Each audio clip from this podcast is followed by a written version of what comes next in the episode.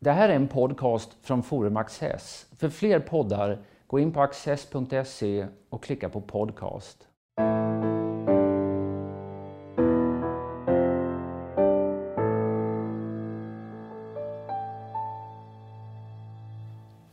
Välkomna till Studio Access. Min gäst idag är Martin Krag som är docent vid Uppsala universitet och eh, Rysslandsforskare vid Utrikespolitiska institutet. Varmt välkommen. Tack så mycket. Och Ryssland är också vad vi ska tala om, ett, eh, ett evigt eh, aktuellt ämne. Ja. Och höll jag på att säga också evigt mer aktuellt än vanligt, ja. som det har varit på sistone. Så sent som i alldeles innan vi spelar in det här programmet har det varit en stor sammandrabbning i FNs säkerhetsråd där eh, den ryska FN-ambassadören har skällt på framförallt sina brittiska eh, motparter men även på andra. Eh, det handlar om ett giftmord i Salisbury, eller ett försök till giftmord i Salisbury i England som den brittiska regeringen och ett stort antal andra regeringar säger att Ryssland ligger bakom. Mm. Vad är det som händer egentligen? Ja, vad vi ser nu i FN är ju den så logiska förlängningen av den motoffensiv, politiskt, diplomatiskt och medialt, som Ryssland la in efter det här mordförsöket mot då, eh, Skripal, den eh, forna dubbelagenten och eh, som även då, det här försöket som även då drabbade hans dotter och en polis som kom till platsen. Och, eh, vad man kan säga om det är helt enkelt att Eh, Ryssland försöker etablera en, en motbild, givetvis. Man försöker skapa en allians eh, av andra länder som kan stödja Ryssland. Och man försöker försvaga den brittiska positionen Eh, som ju har blivit väldigt entydig väldigt tidigt när man pekade ut Ryssland som ursprunget för det här giftet. Då. Och, eh, det påminner väldigt mycket om den typ av retorik och den typen av utrikespolitik vi har sett från Ryssland de senaste åren. Ett annat känt exempel är ju nedskjutningen av ett civilt eh, passagerarplan i, över östra Ukraina i sommaren 2014. MH17 från Amsterdam till Malaysia. Ehm, Även då så gick ju Ryssland in i en slags medial, politisk och diplomatisk fas där man försökte på alla olika nivåer då, eh, föra ut olika motbilder som då skulle motsäga den här västerländska och ukrainska bilden av vad som hade skett. Mm. Så anfall är bästa försvar? Ja, det är ett slags anfall och det är ett slags försök att eh, framförallt underminera eh, tilltron eh, till eh, de brittiska myndigheternas eh, utpekande av Ryssland som ansvarigt. Mm. Man ser hur de, om det finns någon liten glipa i argumentationen eh, kring det här som utrikesministern uttryckte kanske en aning oprecist, den brittiske. Ja. Då tar man fatt i detta och, eh, och gör mesta möjliga utav det. Det är det mediala spinnet så att mm. säga. Och eh, det är ju klassisk PR-teknik egentligen. Mm. Att man använder sin motståndares sämsta argument mot honom eller henne själv. Men eh, man använder också eh, det så att säga, internationella eh, ramverket, alltså det juridiska, eh, politiska konventionerna vi har. Eh, till exempel då eh, FN, säkerhetsråd. Och ifrån olika instanser också försöker man då skapa motbilder för att då underminera den brittiska positionen i den här frågan. Mm. Så det är liksom på alla olika tänkbara sätt som man använder sina resurser man har till sitt förfogande. Ja, varken du eller jag eh, vet naturligtvis exakt vad det är som har hänt. Men man kan ju konstatera i alla fall att britterna har lyckats argumentera så övertygande för att det är Ryssland som ligger bakom. Ja. Att 60 diplomater har utvisats från USA, vilket ska vara en av de största utvisningarna någonsin ja. från USA. Och en rad andra länder har liksom slutit upp bakom eh, britterna i detta. Ehm, stämmer den eh, eh, händelsen, i, faller den in i ett mönster av hur Ryssland eh, har agerat tidigare? Liksom, blir du förvånad om det visar sig vara korrekt det här att det är Ryssland som ligger bakom det här mordförsöket? Um, nej, förvånad blir jag inte och det är det mest sannolika tyvärr. Att det är Ryssland som ligger bakom det. Antingen har det varit ett statligt beställningsjobb som Theresa May sa eller så är det någon annan aktör i det ryska systemet som haft tillgång till det här materialet. Och det är svårt att säga, om detta nu stämmer, vad som är värst. Att, så att säga, du har en eh, regeringschef som beställer politiska mord eh, i ett EU-land eh, eller om det är så att staten kanske inte har full kontroll över ett extremt potent gift som kan ju skapa stor förödelse om det sprids då bland allmänheten. Mm. Och det faller in i ett mönster, inte så mycket av liksom bruket av den här typen av gift eller den här typen av medel, även om det finns ett antal kända fall. Det mest kända är ju Alexander Litvinenka som ju för 12 år sedan eh, eh, mördades med ett radioaktivt gift i centrala London. Och där brittiska utredare då har pekat ut eh, två ryska medborgare eh, som de som har utfört det. Och man har pekat ut Eh, Vladimir Putin som den som beställde det för att man menar att mm. kontrollen över det här högradioaktiva giftet eh, det är så strikt militärt kontrollerat att enbart en president kan beordra att det ska användas. Mm. Och, eh, då hade man en rad olika typer av bevisningar. Man hade teknisk bevisning, man hade signalspaning, man hade andra typer av underrättelsekällor plus rent polisiärt arbete som hade gjorts på plats då och spårat det här händelseförloppet. Och eh, det är inte orimligt att britterna även nu till sitt förfogande anser sig ha så god stödbevisning att man därför har kunnat gå ut så pass starkt mm. som man nu har gjort igen. Då. Och vad skulle syftet med det här eh, mordförsöket, eller mordet då, som man ja. vill åstadkomma, vad skulle syftet vara med att döda de här personerna? Occams rakblad, den enklaste förklaringen, antyder ju att det helt enkelt är en signal till andra Eh, personer i de ryska säkerhetstjänsterna till exempel. Att de ska hålla sig i sitt skinn, att de inte ska gå över till motståndarsidan eh, och att konsekvenserna för att göra det kan bli fatala. Och att man även långt efter att det kan ha skett eh, kan komma tillbaka och ge sig på dig och möjligtvis din familj också. Mm. Men vid det här mötet i säkerhetsrådet så säger ju eh, den eh, ryska FN-ambassadören raljant att om vi nu skulle, mer eller mindre, varför skulle vi använda en så här uppenbar metod om vi ville döda någon inför ett folk som är vana att titta på morden i midsommar mm. och har sett mycket mer sofistikerade metoder. Mm. Men då skulle själva poängen vara att det blir känt. Ja, och att man visar också västvärldens i sådana fall handfallenhet. För vi har inte så många instrument till vårt förfogande i världspolitiken för att egentligen eh, beivra den här typen av agerande. Eh, under kalla kriget så hade vi ju också ett antal eh, kända fall av politiska mord, också ibland med gift, som ibland också då var väldigt svår, svåra att spåra, men som man då gjorde ibland och lyckades göra.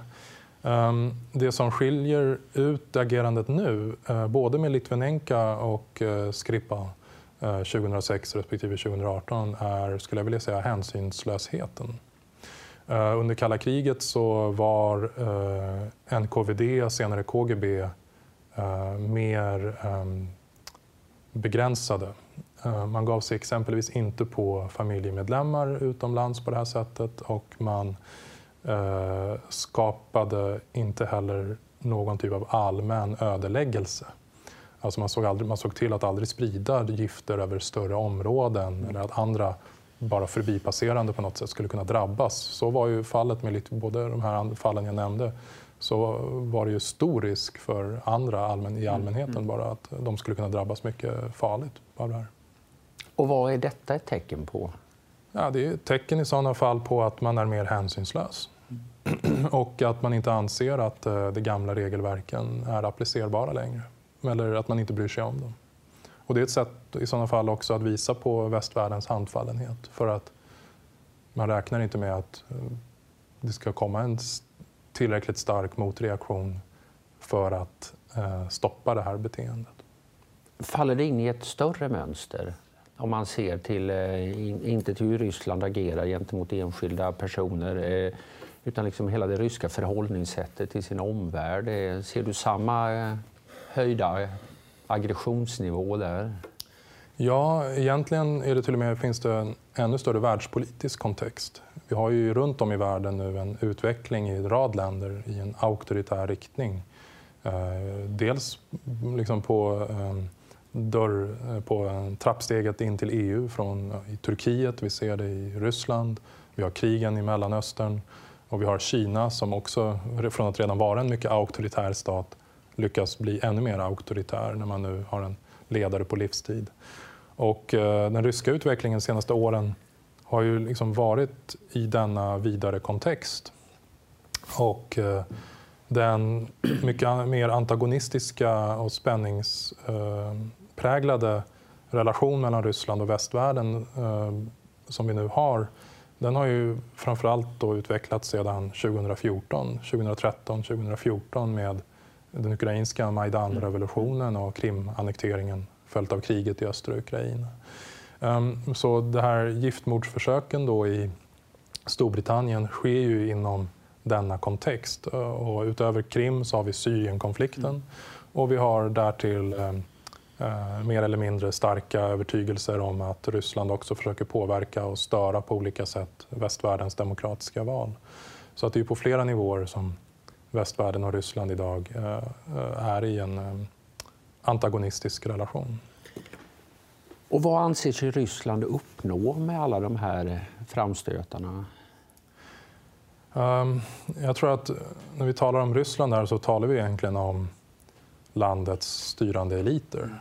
Och där Vladimir Putin är den ledare som säga, bestämmer i allt väsentligt bestämmer landets så säga, strategiska vägval, i synnerhet inom utrikespolitiken.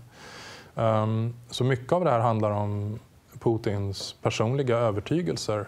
Och en sådan viktig övertygelse han förefaller ha och som han har upprepat och han ofta kommer tillbaka till gång efter annan, det är att det i själva verket är västvärlden som är ute efter att underminera honom, att underminera Ryssland. Och då pekar man på det man kallar såna här regimskiften eller färgrevolutioner som man då menar västvärlden ligger bakom i land efter land, inklusive Ukraina, och Georgien och Kirgizistan. Men också man pekar på Libyen och Syrien som exempel på detta. Och då positionerar sig Putin som en motvikt mot detta och menar att vi måste agera resolut och offensivt. Men vi gör det i en defensiv kontext. Mm. Ryssland anser sig agera defensivt när man annekterar Krim, när man uh, går in i Syrien och för att då hindra västerländsk uh, destabilisering. Och ja, nu begär jag kanske orimlig psykoanalys av det här, men menar du att det är en ärlig uppfattning? Att det är ja. så man upplever situationen? Som du sa, det är ju ett försök att tolka mentalitet. Um, och vi har ju inte tillgång till Putins dagböcker eller mm. innersta tankar. Um, det är exceptionellt ogenomskinligt beslutsfattandet på de högsta nivåerna i Ryssland.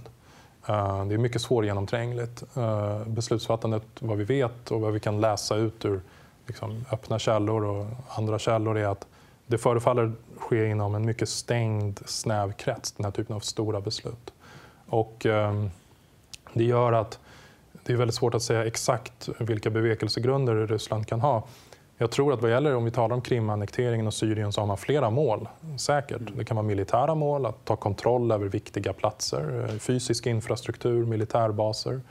Um, geografi, att kontrollera geografin helt enkelt. Mm. Men det är också politiskt, eh, att man då um, skapar sig en intressesfär, en rysk så inflytandezon där man då håller västvärlden ute och stärker Rysslands kort i den här regionen. Mm.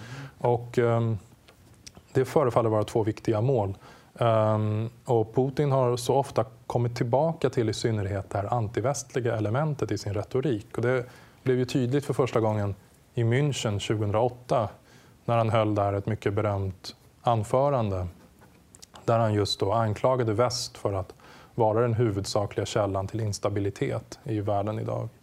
Och, eh, jag tror att eh, vi får utgå, det säkra antagandet är att han förefaller personligen övertygad om detta. Det finns ett antal händelser som antagligen också formade hans syn eh, mer eller mindre med god grund. Eh, det kan ha bland annat varit Irakkriget 2003 och störtandet av Gaddafi vad är det då för ett Ryssland vi talar om här? Det, det, det sker parlamentsval, det, det var presidentval alldeles, mm. alldeles nyligen. Eh, men hur demokratiskt är Ryssland nu för tiden?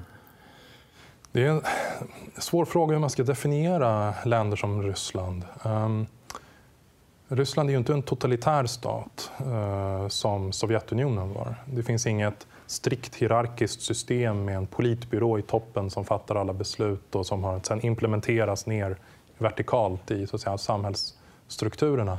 Um, du har fortfarande så att säga, beslutsfattande som sker i en väldigt snäv krets som på sätt och vis liknar en politbyrå. Men dagens Ryssland är mycket mer decentraliserat. Och det är också mycket mer uppkopplat, eller det är helt uppkopplat i den globala ekonomin och den globala eh, så säga, institutionella ramverket vilket gör att deras handlingsfrihet paradoxalt nog blir större än Sovjetunionens handlingsfrihet var. Ehm, du kan till exempel föra kapital och finansiella resurser eh, över hela världen. Du kan ehm, skapa, liksom köpa olika tjänster, du kan outsourca och decentralisera Eh, mycket av det du egentligen vill ha eh, i din utrikespolitik och din säkerhetspolitiska arsenal. Om vi pratar om militären så till exempel har, använder sig Ryssland i stor utsträckning av eh, eh olika eh, kommersiella liksom, eh, företag som tillhandahåller legosoldater åt, åt, åt den ryska militären och, och, som agerar oberoende av den ryska militären på uppdrag åt andra. Mm. I Syrien exempelvis har de ju, finns det ju ryska soldater som jobbar åt Bashar al-Assad och inte alls står under så att säga, den ryska försvarsmaktens ledning. Och vad gäller till exempel spridandet av falska texter, falska nyheter och den här saker. Eh, där finns det exempel då på Makedonien, den här trollfabriken på landsbygden mm. i Makedonien där de mot ersättning helt enkelt bara producerar massa nonsens och som sen sprids och som du kan få en kommersiell verksamhet kring. Och, Eh, om du vill finansiera andra typer av projekt som i östra Ukraina, de här utbrytarrepublikerna, så en stor del av det finansiella inflödet där från Ryssland kommer inte från statsbudgeten utan från eh, ryska oligarker och affärsmän som sympatiserar med eh, den ryska politiken i regionen. Så att det är mycket mer av en hybridstat. Och, ehm, eh, det är inte då en totalitär stat men inte heller en demokrati. Eh, utan det är någon typ av hybriddemokrati eller auktoritärt styre.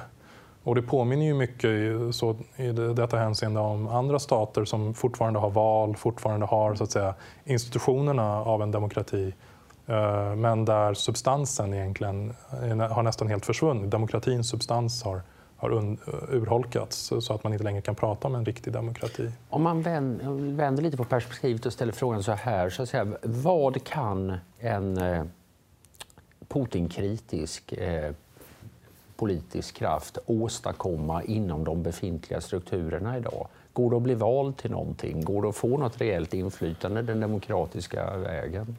I vissa, det finns vissa exempel på lokal nivå där oppositionspolitiker har mobiliserat lokalbefolkningen och skapat stöd och drivit kampanj och blivit invalda i kommuner och lokala råd. Um, du har också eh, ett visst utrymme för fria medier, eh, framförallt på internet, i sociala medier. Men eh, det finns också ett antal nyhetstidningar och radiokanaler som exempel på mm, som bedriver normal liksom, journalistik. Um, och uh, sen har du ju framförallt en oppositionsledare idag, Alexej Navalny, mm. som, ju som har blivit utstängd ur de formella politiska processerna på grund av en, ett antal uppdiktade rättsfall mot honom. Men eh, som ju är den oppositionsledare idag i Ryssland som faktiskt den enda som har kapacitet att eh, på nationell nivå mobilisera protester. Och han kan mobilisera eh, ett antal tiotusental personer eh, till att protestera visade han förra året, kanske upp till 100 000 personer i cirka 100 ryska städer. Och det är inte jättemycket i ett land med över 140 miljoner invånare. Men det är ju ändå tecken på att gräsrotsarbete, politisk opposition och så vidare, det kan existera men eh, han är ju hårt ansatt, han är under stort tryck, mm. Eh, han utsätts för olika typer av repressalier inklusive fysiska eh, angrepp. Ehm, och det är ju den liksom, riskkalkyl du har att hantera som oppositionell idag i Ryssland. Mm. Du kan råka illa ut. Det var presidentval ganska nyligen ja. och, eh, och, eh, Putin får där eh, ungefär 70 procent av de avgivna rösterna. Vad är det värt? I, i demo, liksom, ur en demokratisk processuell så att säga, hänseende så är det inte värt särskilt mycket. Men det är värt väldigt mycket för Vladimir Putin att bli återvald med en stark marginal till hans fördel. För att eh, en stark marginal skickar en, det har en symbol, ett starkt symbolvärde. Att eh, eh, han kan mobilisera folket och att framför allt att han kan, att han kan mobilisera vad man, kallar, vad man i Ryssland kallar de administrativa resurserna. Det vill säga statens verktyg för att få folk att rösta. Och om de i sin tur då inte har röstat i tillräckligt stor utsträckning så har man då också resurserna för att något då, äh, artificiellt då, fuska upp valdeltagandet till exempel. Och valdeltagandet var nästan viktigare äh, Resultatet vad gäller valdeltagandet var nästan viktigare än antalet röster för Putin.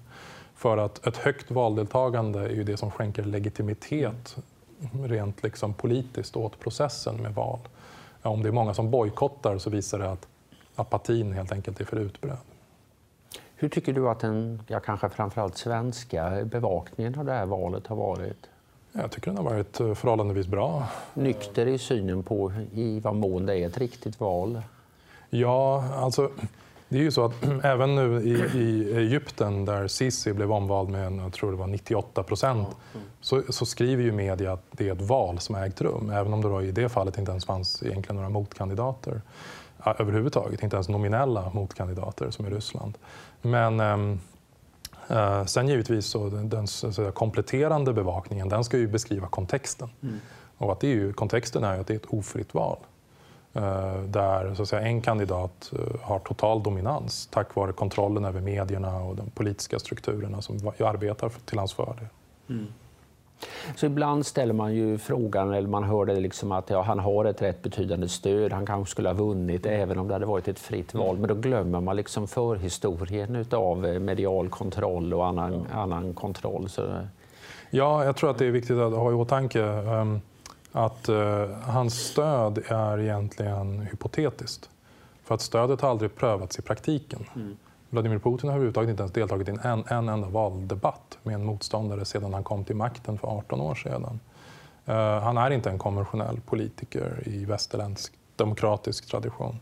Utan han är en politiker som skapar sin legitimitet genom ja, under sina första mandatperioder genom att den ryska ekonomin växte mycket snabbt och det såklart ökade hans popularitet eh, och hans stöd. Eh, och under de senaste tio åren har ju den ryska ekonomin stagnerat och bromsat in men eh, han har då eh, ökat den konfrontativa relationen i synnerhet mot väst. Han har då annekterat Krim och han har visat att Ryssland kan vara en stormakt som agerar i världspolitiken från Nordkorea till Syrien.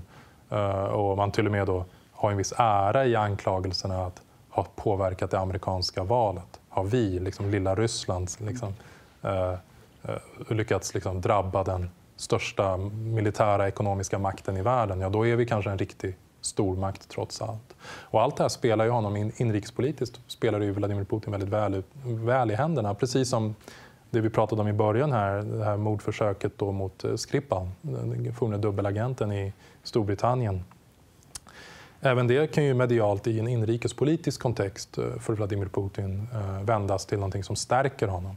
Att mm. västvärlden är ute efter oss.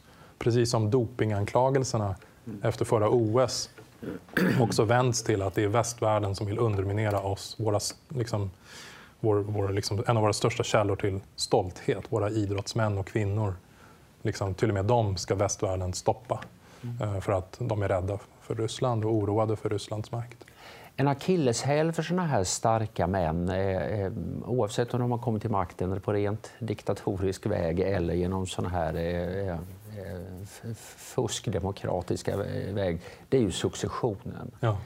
Nordkorea har liksom löst detta genom att bli en sorts arvkungadöme ja. i realiteten. Putin har väl inte så goda förutsättningar på den punkten. Nej. Tänk hur, hur tänker han i de termerna? Eh, tror du, kommer man att se någonting under den här kommande mandatperioden? Eh, att han försöker rigga tillvaron efter Vladimir Putin eller tänker han sitta tills de bär ut honom med fötterna före? Um, hans stora problem är ju vad händer om han lämnar ifrån sig makten i termer av personlig säkerhet för honom och hans familj? Kan en efterträdare garantera hans säkerhet? Om vi tittar då på folk som andra ledare som faktiskt har varit i Putins bekantskapskrets som han har umgåtts med privat. Så ett exempel är ju Gaddafi i Libyen. Det är ju skräckscenariot. för Putin.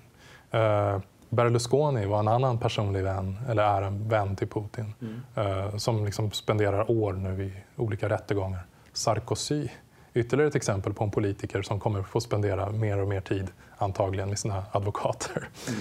Och, eh, det är ju ingen liksom, önskvärd eh, liksom, pensionering för, för Vladimir Putin. Och, eh, det är en mycket stor utmaning för honom, inte minst efter Krimannekteringen, eh, inte minst efter då det som följt sedan dess. Eh, för att han har tillräckligt starkt brottsregister nu för att faktiskt kunna, i, vars, i hans värsta scenario, eh, utlämnas till en Haagtribunal.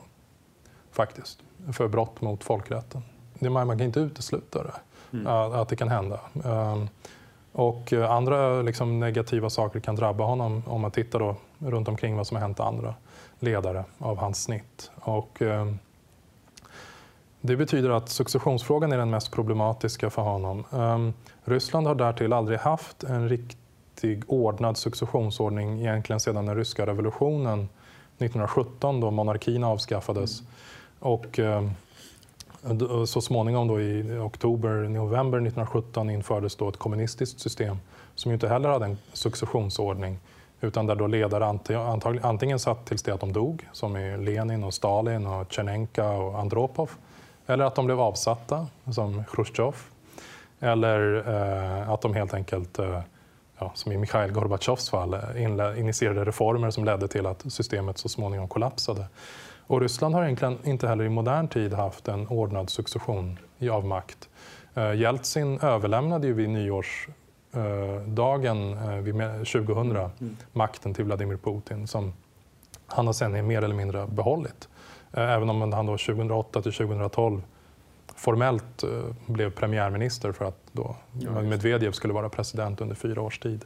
Ehm, så eh, Ryssland har under hundra års tid inte egentligen haft en successionsordning heller. Så man har, inte, han har dels ett personligt säkerhetsproblem som liksom president och han har också då att förhålla sig till ett politiskt system där ingen egentligen vet hur en succession ska gå till. Man har aldrig haft någon.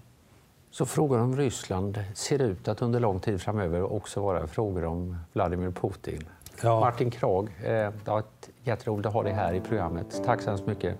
Tack så mycket. Och tack för att ni har tittat.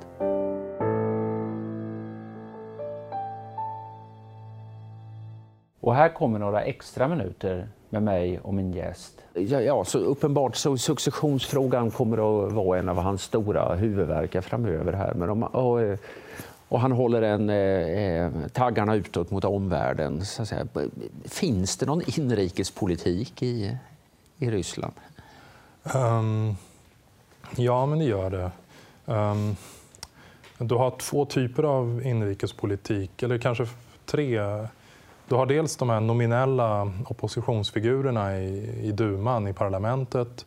Uh, du har ledarna Eh, i den säga, nominella oppositionen som är många av de flesta av dem har ju hängt med längre tillbaka i tiden än vad Vladimir Putin själv har gjort. Det är ju Zhirinovsky och Zyuganov, och, alltså kommunistledaren och ledaren för Liberaldemokraterna som ju går tillbaka till början av 90-talet. Mm. Och, eh, sen har du ju... Eh, och, och, de bedriver egentligen inte någon riktig opposition överhuvudtaget för de, de stödjer ju Vladimir Putin i alla centrala frågor. Eh, alltså Krimannekteringen, Syrieninterventionen, konfrontationen med väst. Allt det här är saker de skriver under på som den, liksom, Rysslands logiska politik. Um, och de kritiserar inte heller regeringen över någon liksom, totala uteblivandet av ekonomiska reformer och ganska misslyckad ekonomisk politik de sista tio åren ju där eh, liksom man överhuvudtaget inte förberett sig på en era av lägre oljepriser och, och eh, en eh, strukturell omställning med en åldrande befolkning och den typen av utmaningar. Mm. Så inget av detta har man liksom, där har liksom, finns det någon opposition som egentligen eh, kan bedriva en effektiv opposition och, och eh, politiskt i duman eller på den, en, någon annan riksnivå.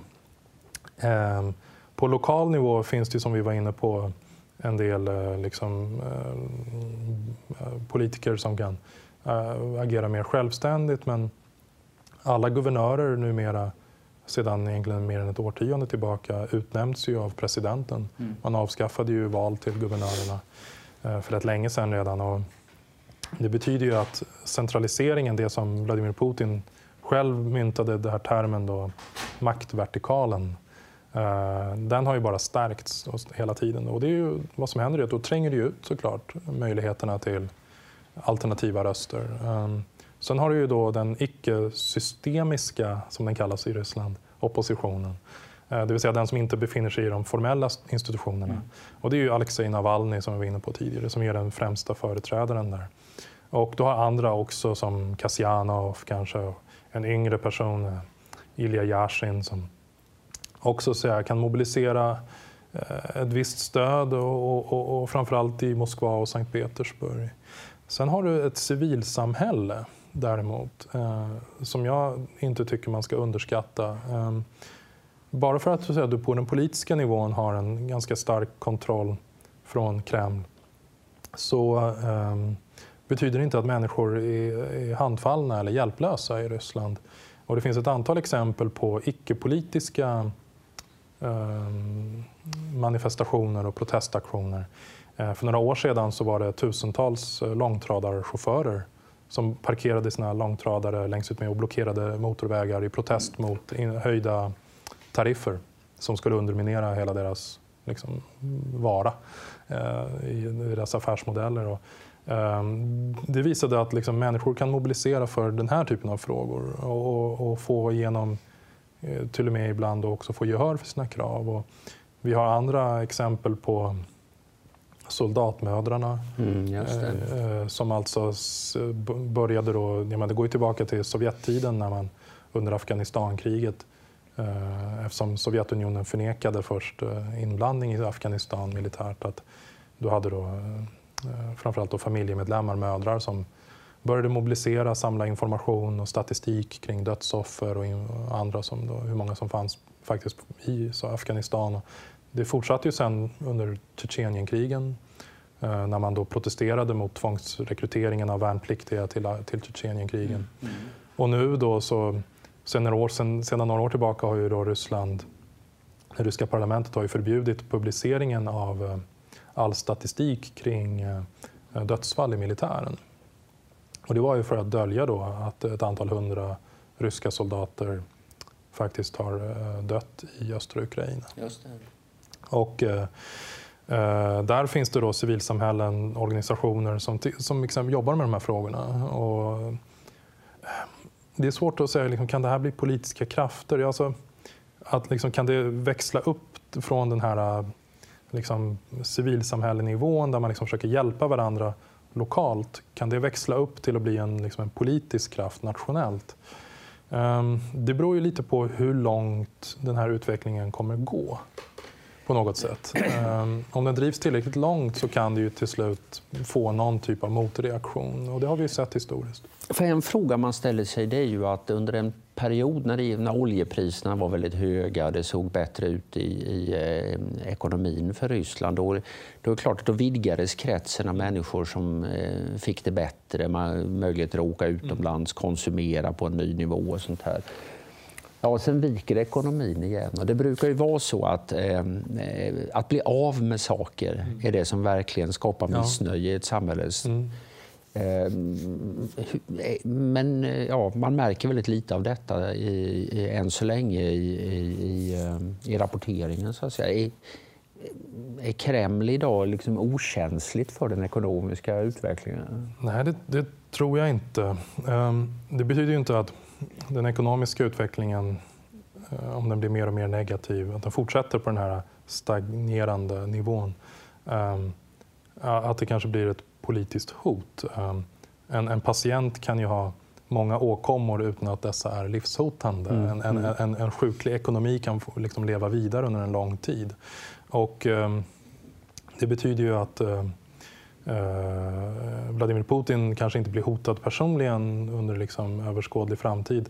Men eh, det finns en paradox i det att en stor del av de ryska väljarna eller en stor del av den ryska allmänheten är väldigt missnöjda med den ekonomiska situationen. Eh, miljoner, tiotals miljoner ryssar har fått det bättre fortfarande eh, än jämfört med hur det var för 20 år sedan. Men det finns fortfarande fattigdom. Enligt den officiella ryska statistiken är det mellan 15 och 20 procent av befolkningen som är, lever i fattigdom. Mm. Framförallt pensionärer, människor på landsbygden. Um, det är ganska många. Och sen har du då den här Men det brukar tyvärr, eller man ska säga sällan vara de fattiga som, som blir det argast över ekonomiska nej. motgångar. Utan nej, mer en medelklass ja, som, som, är urbana, som, som ser ett ja. välstånd glida ifrån dem igen. Ja. Och, eh, jag menar, det, det, finns ju olika så att säga, nivåer antar jag då Ja, men om du då har vant dig vid att äta oxfilé så får du nu välja dig, vänja dig vid att äta kyckling. Om du är vant dig vid att åka på semester till Paris får du nu vänja dig vid att åka till Sochi eller till Turkiet eller Egypten då på mm. solsemester. Mm. Um, och det är ju kanske liksom då, men det är en ganska liten del av den ryska befolkningen som liksom hade haft sådana möjligheter överhuvudtaget till att börja med. De flesta, majoritetssamhället i Ryssland, har, har liksom alltid fått kämpa. Mm. Det har alltid varit tufft. Och man är inställd på att staten inte kommer egentligen att hjälpa oss särskilt mycket. Man förväntar sig inte heller särskilt mycket. Utan vad man försöker göra, så, liksom, den genomsnittliga ryssen försöker väldigt mycket bygga en slags autonomi, en slags oberoende. Um, och det kan man göra genom att såklart liksom minimera alltså, uh, sitt liksom, beroende av olika liksom, statliga strukturer, myndigheter. Man försöker bygga liksom, mot motparter man har förtroende för inom lokala ekonomierna. Man också undandrar ju så att säga, skatt såklart. Mm. Eh, det är ju ett klassiskt problem. Liksom, att när stater sviktar så anticiperar ju människor detta genom att undandra ytterligare liksom, skatt och skuggekonomin ökar. Vilket den förefaller göra i Ryssland igen då, som är ett klassiskt sånt fenomen. Då. Du får en negativ spiral. Den ekonomiska nedgången börjar och den förstärks sen av att eh, eh, människor försöker skydda sig genom att undanhålla inkomst, genom att gå in i den informella ekonomin. Och det ytterligare underminerar ju statens kapacitet. Um, och det är ett problem för Ryssland. Man uh, pratade ju väldigt mycket för 10-15 år sedan om att Ryssland skulle bekämpa korruption och det var liksom det som var stora problem. Det är intressant idag att trots att dessa problem fortfarande är mer eller mindre lika stora så de, de frågorna pratar man inte ens längre om. Uh, I någon större utsträckning, i alla fall inte i Ryssland. Utan det har blivit ett liksom, normalläge. Okay. Och det, uh, frågan är hur länge det kan uh, fortsätta. Jag, jag, jag, kan inte se någon bortre gräns i dagsläget.